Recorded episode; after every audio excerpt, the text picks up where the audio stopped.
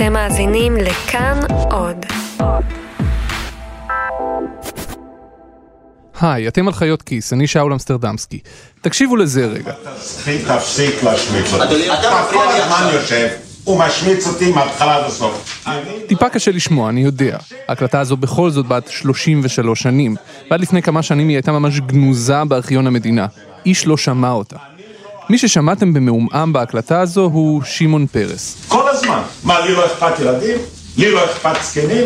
לי לא אכפת מיעוטי יכולת? למה אתה עושה את זה? לפני 33 שנה, ב-30 ביוני 1985 ליתר דיוק, פרס היה ראש הממשלה. לא סתם ממשלה, ממשלת אחדות לאומית ברוטציה יחד עם הליכוד. לא סתם ממשלת אחדות לאומית ברוטציה יחד עם הליכוד, אלא ממשלת אחדות לאומית שהתכנסה באותו לילה לאישור התוכנית הכלכלית החשובה ביותר, המשפיעה ביותר, עד היום שממשלות ישראל אישרו לפניה או אחריה. תוכנית הייצוב.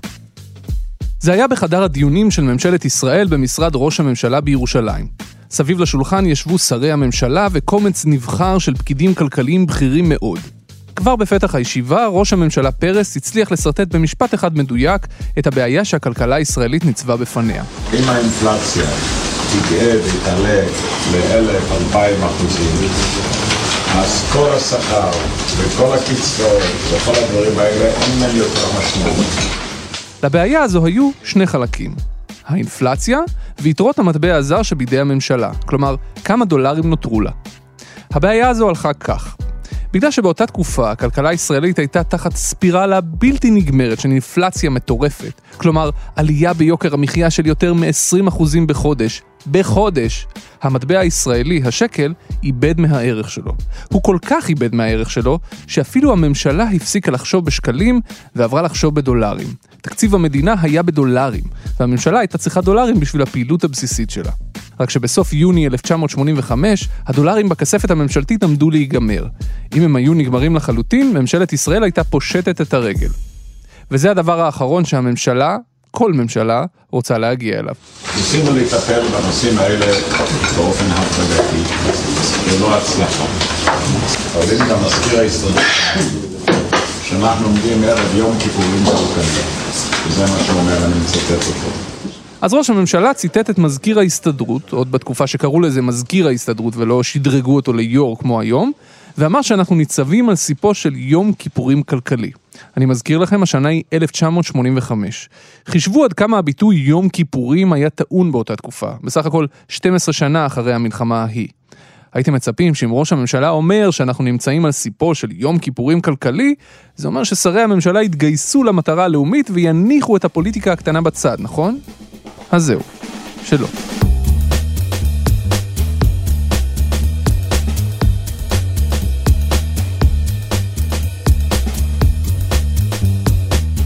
ישיבת הממשלה הזו נמשכה יותר מ-25 שעות. במהלכה שרי הממשלה לא הפסיקו לתקוף זה את זה. המתוחכמים שבהם האשימו את פרס בתעלולים כלכליים פוליטיים שנועדו לפגוע בליכוד ולחזק את המערך.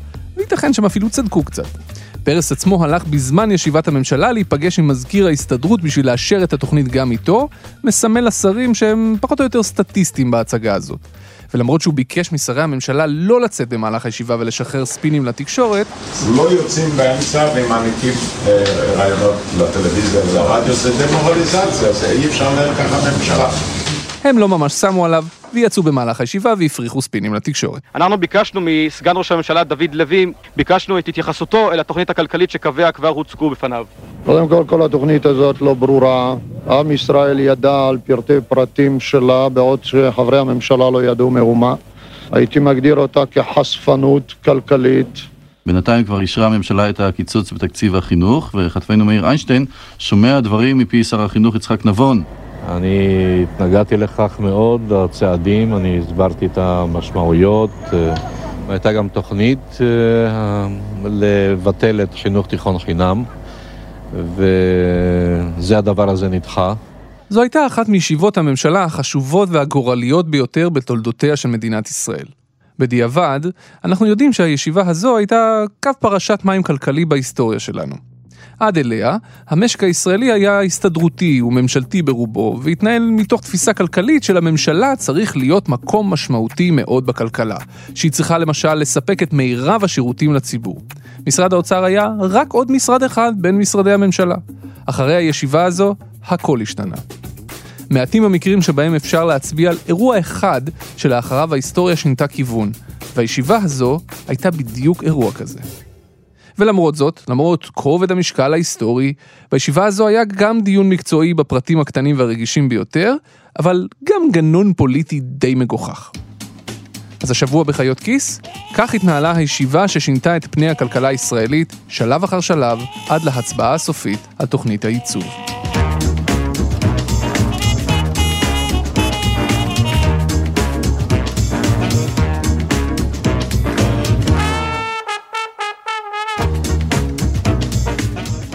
כמו בהרבה ישיבות ממשלה שבהן השרים דנים בתוכניות כלכליות שמונחות על השולחן, גם הפעם מי שהציגו את התוכנית הזו היו פקידי המדינה. אבל לפני שמנכ"ל משרד האוצר דאז, עמנואל שרון, הציג את התוכנית, פרס ביקש ממישהו אחר לפתוח את הדיון ולהציג לשרים את הנתונים המקרו-כלכליים שחייבו תוכנית חירום. למישהו הזה קראו ברונו, פרופסור מיכאל ברונו. מה שאני רוצה לומר בתחילת הדברים, שנראה לנו שהיום אנחנו בשעה 12. ב-30 ביוני 1985, כשהממשלה התכנסה לדיון בתוכנית הייצוב, פרופסור מיכאל ברונו לא נשא בשום תפקיד רשמי בממשלה. ובכל זאת, הוא היה אדריכל תוכנית הייצוב. זה לא קרה במקרה. ברונו אמנם לא נשא אז בשום תפקיד רשמי, אבל הוא היה אחד מהכלכלנים המובילים והחשובים בכלכלה הישראלית באותה תקופה. בתקופה ההיא, לכלכלנים באקדמיה היה חלק די חשוב בגיבוש המדיניות הכלכלית הממשלתית, וברונו, כמו אחרים, היה חלק ועמד בראש כל מיני צוותים כלכליים ממשלתיים שהקימו מדי פעם. ומאחר שבתקופה ההיא בנק ישראל היה סוג של גוף שלא ממש ספרו אותו, אבל באמת באמת לא ספרו אותו, לנגיד בנק ישראל הרשמי, משה מנדלבאום, לא באמת היה חלק בבניית תוכנית הייצוב. זה די מדהים כשחושבים על זה. ברונו, יחד עם פרופסור איתן ברגלס, ויחד עם מנכ"ל משרד האוצר עמנואל שרון, וצוות מיוחד של כלכלנים אמריקנים שהגיעו בחשאי לישראל, עבדו מאחורי הקלעים בקדחתניות בהוראת ראש הממשלה שמעון פרס בשביל לבנות את התוכנית הזאת. באתר ארכיון המדינה אפשר למצוא את האוסף הפרטי של ברונו, ושם גם את כל השקפים והתרשימים שהוא הציג לממשלה באותה ישיבה. גרפים על גבי גרפים, חלקם ממש צוירו ביד, שהוקרנו על גבי מקרן שקפים לממשלה. בהקלטות ממש אפשר לשמוע מישהו מחליף את השקפים. ובשקפים האלה, ברונו ניסה להוכיח לממשלה שכשהוא אומר שמבחינת הדחיפות ומידת הקריטיות של המצב הכלכלי הגענו לשעה 12, הוא מתכוון בדיוק לזה. עכשיו, אה, מה שנאמר פה זה שהאיום על מצבה הכלכלי משגיש למדינה חמור, כיום הייתי אומר, מהאיומים הצבאיים. ישראל של תחילת שנות ה-80 הייתה חתיכת כאוס כלכלי. קודם כל, האינפלציה, כלומר, העלייה במחירים. תדהמה בצמרת הכלכלית, המדד באפריל 19 אחוזים וארבע עשיריות. חלב לתינוק 600 שקל. הולכים להרוג אנשים, הולכים ממש להרוג אנשים. מחיר הבשר עולה, מחיר הדגים עולה. כשאנחנו חושבים היום על יוקר המחיה ועל זה שהמחירים עולים, זו ממש בדיחה בהשוואה למה שקרה אז. בעצם, הכל התחיל בסוף שנות ה-60, אחרי מלחמת ששת הימים, שבסופה ישראל פחות או יותר הכפילה את הגודל שלה, ומצאה את עצמה מוציאה עוד ועוד כסף על ביטחון. המגמה הזו רק החריפה אחרי 73, והמספרים היו פשוט מסחררים. האינפלציה בשנת 1969 הייתה פחות מ-4%. בשנה שלאחר מכן היא כבר הייתה יותר מ-10%. בשנה שלאחר מכן כמעט 14%. ב-73 האינפלציה השנתית זינקה ל-26%. ב-77, ברקע הפנתרים השחורים והקריאה להגדיל את שירותי הרווחה, האינפלציה זינקה ליותר מ-40% בשנה. וכך זה רק עלה ועלה ועלה, והאינפלציה הפכה להיות היפר-אינפלציה, ובשנת 1984, שנת השיא, האינפלציה השנתית הייתה, תחזיקו חזק, 444 אחוזים ותשע עשיריות האחוז. האינפלציה דוהרת, הפועלים ממורמרים, תוססים ועצבנים. הסופרמרקט הוא אספקלריה לכלכלה שלנו. המדפים מתרוקנים ומתמלאים לאחר זמן עם מחירים אחרים, גבוהים יותר. זוהי בעלת קניות וסחרור אינפלציוני. הייתה בעלת קניות כי זה טבעי, אבל תראה פה סופר, יש מוצרים בשפע. אבל הבעיה היא שלאנשים אין כסף לקנות. גם המספרים של הגירעון מדהימים. החל מסוף שנות ה-60 הגירעון הממשלתי, כלומר הפער בין ההכנסות של הממשלה לבין ההוצאות שלה, טפח והגיע למימדים של 18% מהתוצר בתחילת שנות ה-80. בשביל לממן את הפער הזה בין ההכנסות להוצאות, הממשלה לקחה עוד ועוד ועוד הלוואות, עד שהחוב שלה, ביחס לתוצר, הגיע ליותר מ-200%. זה אומר שהממשלה הייתה חייבת פי שניים יותר ממה שהמשק כולו מייצר בשנה. בשביל לצייר את הקשר בין ההוצאה הממשלתית על ביטחון ורווחה וכאלה לבין עלייה מטורפת באינפלציה, צריך לזכור איך נראתה מדינת ישראל בתחילת שנות ה-80, לפני שאושרה תוכנית הייצוב. המשק הישראלי היה אז ברובו ממשלתי או הסתדרותי, עם מגזר פרטי די קטן. יובל השלושים של ההסתדרות עבר בבאר שבע בסימן של חגיגות עממיות והקמת מפעלים משקיים חדשים. המון חברות שהיום הן חברות פרטיות גדולות, חלקן בידי טייקונים, בתי הזיקוק, החברה לישראל, סולל בונה, שיכון ובינוי, בנק הפועלים ועוד המון המון כאלה, היו שייכות לממשלה או להסתדרות שהן היו הטייקונים הגדולים של פעם. זה אומר שחלק גדול ממקבלי המשכורות במשק קיבלו את המשכורת מהממשלה, או שעבדו במקום עבודה עם הסכם קיבוצי נדיב, וכך הייתה להם תוספת יוקר לשכר, שנועדה לפצות אותם אם עליית המחירים עלתה יותר מדי. תוסיפו לזה את העובדה שבאותה תקופה בנק ישראל הדפיס כסף עבור הממשלה בכל פעם שנגמר לה, מילולית, הדפיס לה שטרות חדשים של כסף, וקיבלתם מסלול ישיר להיפר-אינפלציה. ככה זה עבד לפי ברונו. הממשלה מוציאה עוד ועוד כסף על כל מיני מטרות, ביטחון, רווחה, חינוך, ולכן היא זקוקה לעוד ועוד כסף. אבל לקופה לא נכנס מספיק כסף חדש, כי הצמיחה לא מספיק גבוהה, ואיתה גם ההכנסות ממיסים לא מספיק גבוהות, אז במקום זה הממשלה מדפיסה כסף חדש, מה שאומר שהשקל מתחיל לאבד מהערך שלו, והמחירים עולים. ומאחר שחלק גדול מהעובדים זכאים לתוספת יוקר, בשביל שהשכר שלהם לא יישחק תחת האינפלציה הזאת, גם השכר שלהם עולה. וזה רק מתדלק עוד יותר את עליות המחירים, וחוזר חלילה, וחלילה, וחלילה. וככה, בדיוק ככה, הגענו להיפר-אינפלציה, גירעון ממשלתי בשמיים, ואיתו גם חובות אדירים שהממשלה צריכה להחזיר בתוספת ריבית. ואז, כשהרזרבות של הדולרים בכספת עמדו להיגמר, ברונו בא לראש הממשלה ואמר לו, שמע, המדינה הולכת לקרוס, חייבים לעשות משהו.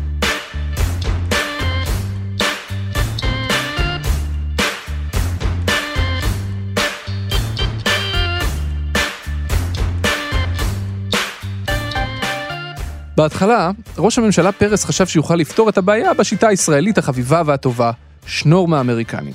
אבל האמריקנים נמאס סתם לשפוך כסף על הישראליאנים. הם הבטיחו שהכסף יגיע, אבל התנו אותו בריסטארט כלכלי מסיבי.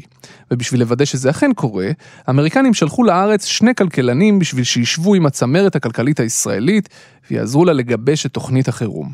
אחד מהם היה כלכלן יהודי צעיר ומבטיח בשם סטנלי פישר. ברבות הימים פישר סיפר בריאיון לכלכליסט שמי שאמר לאמריקנים להגיד לממשלה הישראלית שהיא לא תקבל כסף מהדודים באמריקה אלא אם כן תהיה תוכנית חירום אמיתית, היו הכלכלנים הישראלים בעצמם, ובראשם ברונו עצמו ומנכ"ל משרד האוצר דאז, עמנואל שרון. אין לנו זמן לעשות תוכנית מדורגת, אין לנו זמן לעשות תוכנית רב-שלבית, ולפיכך אנחנו צריכים ללכת לתוכנית שהיא בפירוש תוכנית שיש בה הימור. עמנואל שרון, שזה האיש ששמעתם עכשיו, וגם פישר וגם ברונו האמינו בדוקטרינת ההלם. הם האמינו שאין מקום לתיקונים הדרגתיים, כי המערכות הפוליטיות ימסמסו אותן מהר מאוד, ולכן הם חשבו יש צורך בטיפול נקודתי וחד, טיפול בהלם. ותוכנית העיצוב אכן הייתה כזאת.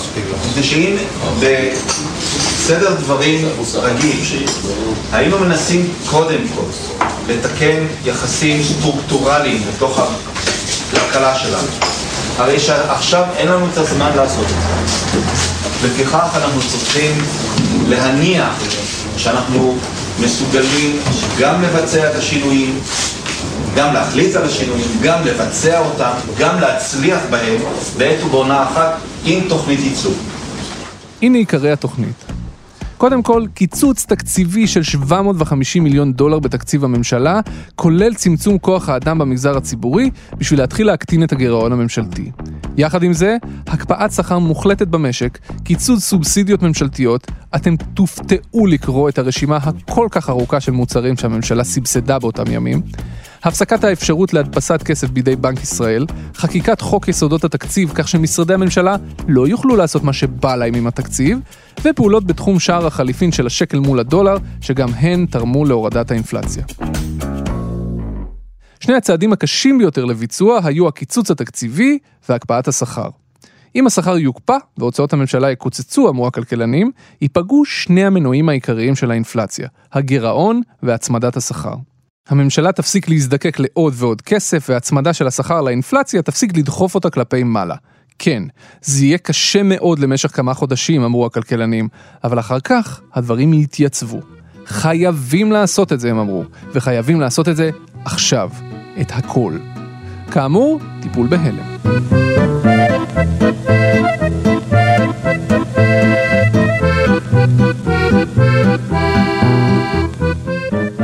בשביל לבצע את הצעדים הללו היה צורך בשני דברים. דבר ראשון, בהסכמה של ההסתדרות. ודבר שני, בעמידה של הממשלה בלחץ שההסתדרות תפעיל בשביל שהצעדים הללו לא יצאו לפועל. ומאחר שהממשלה הייתה ממשלת אחדות לאומית, שלמרות שמה הוקמה על בסיס חוסר אחדות פוליטי מובהק, לכל מי שישבו סביב השולחן היה ברור שיהיה מאוד מאוד קשה לבצע את התוכנית הזאת ולעמוד מאחוריה בהמשך, בלי שיתחילו הריבים הפוליטיים. ואומנם, מיד אחרי שמנכ"ל משרד האוצר שרון סיים להציג את עיקרי התוכנית, שרי הממשלה התחילו להתנגד לה בזה אחר זה. כמעט כולם, אחד אחרי השני, נאמו על החשיבות של תוכנית החירום, ועד כמה חשובה השעה, ועד כמה יש צורך באחדות ובאחריות לאומית, ובאותה נשימה כל אחד מהם הסביר מדוע פגיעה בתקציב המשרד שבראשו הוא עומד, תהיה פגיעה אנושה במשק. שר החינוך יצחק נבון התנגד נחרצות לפגיעה במערכת החינוך. שר הביטחון יצחק רבין התנגד לקיצוץ בביטחון.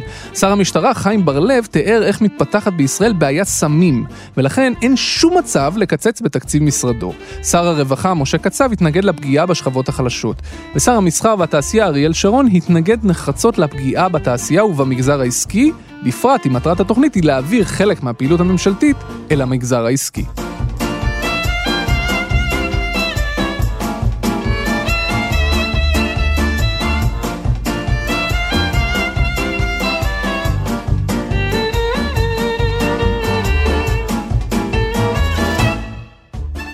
לאריאל שרון אגב הייתה תיאוריה. הוא חשב אומנם שתוכנית נחוצה, אבל שאין שום סיכוי בעולם להעביר את התוכנית הזו מבחינה פוליטית. זו תוכנית שמחייבת כושר החלטה וכושר ביצוע ואי רתיעה מפני לחצים. אני יושב בממשלה שמונה שנים ואני מוכרח לומר, אני לא נתקלתי אף פעם במצב שעמדו מול לחצים. יותר מזה, לשרון, כנראה אחד האנשים החריפים ביותר שישבו בחדר, ודאי המצחיק שבהם, לא היה שום אמון בראש הממשלה מטעם המערך שמעון פרס. למעשה, שרון היה בטוח שפרס מכין תרגיל מסריח לשרי הליכוד שישבו בממשלה. להוציא את שרי הליכוד רעים, ואז לבוא ולהושיע את העם ולקנות קולות למערך. אבל מה שאתה אומר עכשיו, אני מוכרח לומר, אה, שמעון, מה שאתה אומר עכשיו, בהחלט מעורר בי כרגע ספקות די גדולים אם לא מובילים אותנו פה לאיזשהו לבירינט מפלגתי. רגע אחד, יהיה לנו כאלה שהם עושים צווים, ויהיה לנו כאלה שהם אחר כך מסדרים את העניינים, ואז יש לנו כאלה טובים שמסדרים, ויש לנו כאלה אכזריים, כן, שגוזרים גזרות. אני לא חושב שכך אפשר לגשת כשנמצאים במצב כלכלי כפי שהוא, אה, לגשת לעניין.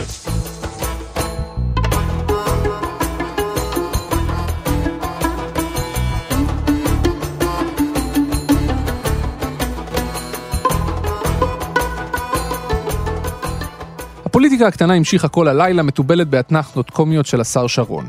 חלקם ממש רבו עם פרס, כמו שר הרווחה הצעיר משה קצב, שהאשים את ראש הממשלה שלא אכפת לו מהשכבות החלשות, וגרר מפרס תגובות זוהמות. תפסיק להשמיץ אותי. אדוני ראש הממשלה, אתה לא יכול להשתמש, לתפוס את המקל משני הקצוות, אחד מהשניים. כל הזמן, תסלח, תקשיב גם אתה לי.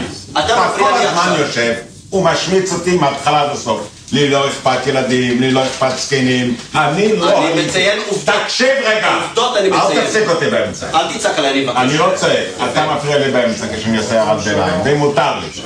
לאורך הדיון הארוך הזה היו גם הבלחות אידיאולוגיות, למרות שלא הרבה. הבולט בדוברים האידיאולוגיים היה משה ארנס, באותו זמן שר ללא תיק, ולימים שר הביטחון בממשלת שמיר בזמן מלחמת המפרץ. לארנס, שתמך בתוכנית, היה הסבר למצב הכלכלי הגרוע של המשק הישראלי. תשובה אחת, מעורבות ממשלתית, יתרה. אין מדינה מערבית שיש לה משק הדומה למשק הישראלי. אין מדינה מערבית שבה של הממשלה במשק פה. והקטע הבא הוא כנראה אחד האהובים עליי ביותר מתוך הישיבה הארוכה הזו. בקטע הזה שומעים חילופי דברים נדירים לאורך הישיבה הזו, כאלה שמבטאים ממש עמדות אידיאולוגיות ברורות ולא רק פוליטיקה. ארנס אומר שצריך להפחית את המעורבות הממשלתית במשק, ושר הביטחון יצחק רבין עונה לו שאי אפשר לפתח תעשייה ואי אפשר לעזור לשכבות החלשות בלי מעורבות ממשלתית. יש תעשייה בלי סיוע ממשלתי, ואתה רוצה לדאוג לשכבות החלשות, אז עם מעורבות ממשלתית. אתה רוצה לפתח אזורים... טוב, רבותיי, אין פה מקום לרב שיח. אני מוכן לומר, מי שחושב שזו הדרך הטובה וכך יתפתח המשק הישראלי, וכך תעלה רמת החיים, על ידי כך שנגביר את המעורבות של הפקידות והמעורבות של הממשלה, אז יבושם לו, אז פה באמת אנחנו חלוקים, באמת חלוקים. אגב, מי שמפסיק שם את הוויכוח בין ארנס לרבין הוא יצחק שמיר. זו אחת הפעמים הנדירות שהוא בכלל מתבטא לאורך הדיון הזה. לאורך הישיבה קולו כמעט שאינו נשמע, הוא לא מדבר לפרוטוקול, וזה קצת מוזר, כי שמיר לא היה סתם שר בממשלה הזו. הוא היה אחד השרים הבכירים ביותר, שר החוץ וממלא מקום ראש הממשלה. הוא הפך להיות ראש הממשלה בעצמו בחלק השני של שנות ממשלת האחדות הלאומית הזו. ובכל זאת, לא היה לו בכלל מה לתרום לדיון, למעט למלא את מקומו של פרס בראש הישיבה, כשפרס יצא מחוץ לחדר. הדבר הפעיל היחידי שהוא עשה בישיבה הזו, זה להשתיק את שר הביטחון רבין כשהוא נכנס לדברים של ארץ.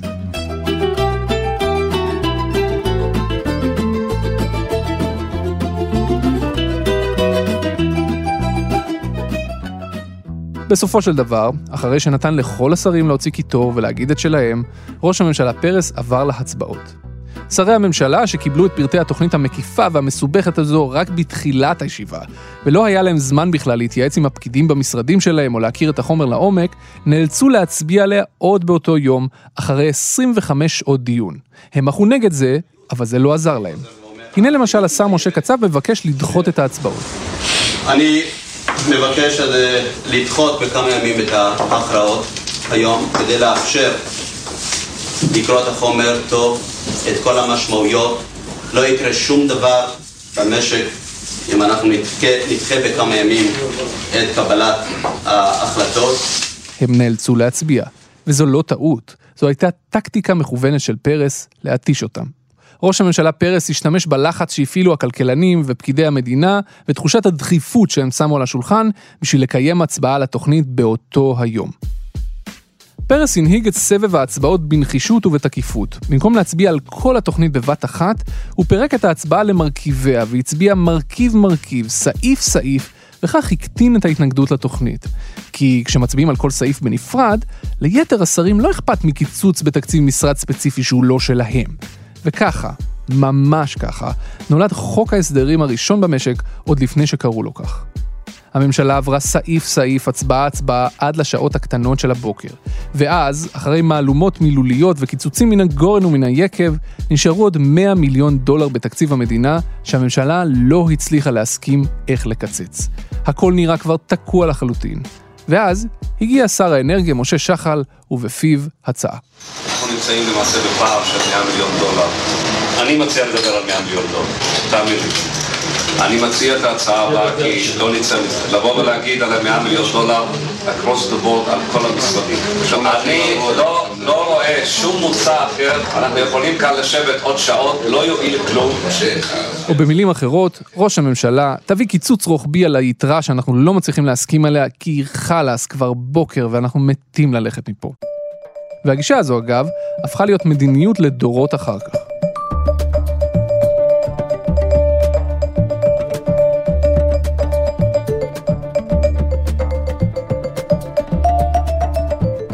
בסופו של דבר, בשעה תשע בבוקר המחרת, אחרי יותר מיממה שלמה של דיונים, ראש הממשלה פרס העלה את התוכנית כולה להצבעה. 15 שרים תמכו בה, שבעה התנגדו. מוסכם? האוצר, מוסכם? אין לך תשובה? מוסכם. גמר. מוסכם. מוסכם, גמרנו גם את זה. האם יש עוד שאלות? אני רוצה להודות לכל חברי הממשלה על אורך הרוח. תוכנית הייצוב אושרה, פרס הלך לתדרך את התקשורת, ומאוחר יותר בצהריים הגיע לכנסת להציג אותה באופן רשמי. תוכנית הייצוב נתנה בבת אחת המון כוח למשרד האוצר. בשנים שבאו אחר כך, כלומר מאז ועד היום, משרד האוצר ובעיקר אגף התקציבים קיבל המון כוח ביד. בניגוד למצב ששרר עד לתוכנית הייצוב, היום אגף התקציבים באוצר שולט בתקציבי המשרדים השונים. אם עד לתוכנית הייצוב הממשלה הייתה יכולה למשל להחליט לקצץ בתקציב משרד כלשהו, אבל אז השר הממונה על אותו משרד היה פשוט יכול לצפצף על ההחלטה ולהמשיך להוציא את הכסף, כפי שאכן קרה, היום, היום זה בלתי אפשרי. בעשורים שבאו לאחר מכן, עד היום בעצם, משרד האוצר התנהל תחת הטראומה הזו של השנים שהובילו ל-85, לתוכנית הייצוב. מבחינת אגף התקציבים באוצר, מה שקרה אז הוא חלק מהאתוס המכונן של האגף. לא עוד. לא עוד ניתן לשרי הממשלה להגיע למצב שבו כסף יצא ללא כיסוי. לא ניתן להגיע למצב שהממשלה נכנעת לכל לחץ שהוא, מוציאה כסף בלי הכרה ומדרדרת את המשק אל פי תהום. הישיבה ההיא סימלה גם את תחילתו של מעבר למשק אחר, פחות ופחות מעורבות ממשלתית בכלכלה, יותר ויותר דומיננטיות של המגזר הפרטי. גם מי שסבורים שהיום הממשלה עדיין מעורבת בשוק יותר מדי, יסכימו שבהשוואה לאז, המצב שונה מהותית. למרות שראש הממשלה פרס הבהיר בפתח הישיבה כי הוא מצפה שאחרי קבלת ההחלטה, שרים שהתנגדו לתוכנית בתוך הישיבה יתמכו בה כלפי חוץ או יתפטרו, זה לא קרה. כבר למחרת, סגן ראש הממשלה דוד לוי יצא נגד התוכנית בקול גדול. התוכנית הזאת כוללת בתוכה מרכיבים שאינם ברורים, הם לא מושתתים על שום דבר יסודי, כולם, רובם, משאלות לב, כמיהות. המכה היא קשה מאוד, היא פוגעת בציבור העובדים בצורה חמורה. פרס אגב, לא פיטר אותו. בימים ובשבועות שלאחר אישור התוכנית בממשלה, פרס ומודעי היו במשא ומתן אינטנסיבי עם מזכיר ההסתדרות ישראל קיסר, בניסיון למנוע שביתה כללית במשק. איום שההסתדרות אגב שם על השולחן כבר באותו בוקר. הכותרת של ידיעות אחרונות ב-4 ביולי 1985, שלושה ימים בלבד לאחר אישור התוכנית, הייתה גל איומים ותסיסה במשק, ההסתדרות נקודותיים, הסדר או שביתה. השביתה הכללית שהכריזה ההסתדרות תתחיל מחר ב-6 בבוקר ותימשך 24 שעות. צפויים שיבושים הן במגזר הפרטי והן במגזר הציבורי. בפעם הראשונה בתולדות מדינת ישראל, בכל תולדותיה, לא היה תקדים שממשלה, גם בימי מלחמה, לא העיזה הממשלה לנקוט בצווי חירום כדי לפגוע בשכירים ובהסכמי עבודה. בסופו של דבר, ההסתדרות קיבלה קצת, אבל נכנעה בלית ברירה לצווי החירום, לקיצוצים הנרחבים בכוח האדם, להפחתות השכר ולמעבר של המשק לעידן אחר לגמרי. החודשיים הראשונים לאחר אישור התוכנית היו קשים מאוד, אבל אז האינפלציה נבלמה בבת אחת, ובהמשך האמריקנים נתנו לישראל סיוע דולרי מיוחד שאפשר לה להתייצב. השינויים בחוק בנק ישראל ובחוק יסודות התקציב שינו לחלוטין את התנהלות הממשלה, וחייבו אותה להתחיל מסע ארוך של צמצום הגירעון וקיצוץ תקציבי הולך ונמשך. ואחרי שאנשי האוצר ראו כי השיטה הזו עובדת, הם אימצו את הטקטיקה של פרס מהלילה ההוא והמציאו את חוק ההסדרים, שניסה מאז לעשות בכל שנה קצת ממה שנעשה בלילה ההוא.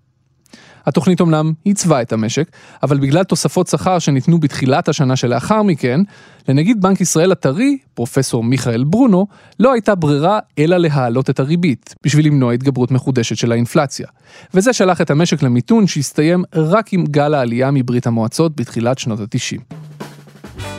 שר האוצר מודעי אגב, הועבר מתפקידו שנה לאחר אישור תוכנית הייצוב, אחרי שקרא לפרס ראש ממשלה מעופף שלא מבין דבר בכלכלה.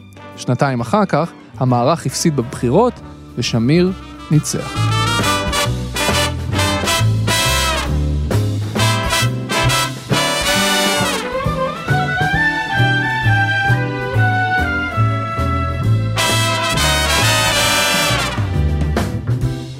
אתם האזנתם לחיות כיס, ערכו את הפרק הזה רומטיק וצליל אברהם, על הסאונד היה אסף רפפורט. תודה רבה לארכיון המדינה, על הפרוטוקולים, על ההקלטות מתוך הישיבה, הכל זמין לכם גם באתר ארכיון המדינה. תודה רבה גם לסדרה הקברניטים בעריכת רותם שדות בערוץ 10, שהחזירה לתודעה את הלילה ההוא ביוני 1985 ונתנה לי את ההשראה לפרק הזה. באתר כלכליסט תוכלו למצוא כתבה מקיפה שלי על הלילה הזה, עם חומרים נוספים מהפרוטוקולים, שמנו לינק בעמוד של הפודקאסט. כל הפרקים של חיות כיס זמינים בכל מקום על גבי הפלנטה. אם אתם אוהבים אותנו, הצטרפו לקבוצת הפייסבוק שלנו, חיות כיס. וחוץ מזה, שילחו לחברה או לחבר את הפרק האהוב עליכם של חיות כיס, כי אנחנו תמיד שמחים להגיע לקהלים חדשים. אני שאול אמסטרדמסקי, תודה רבה שהאזנתם.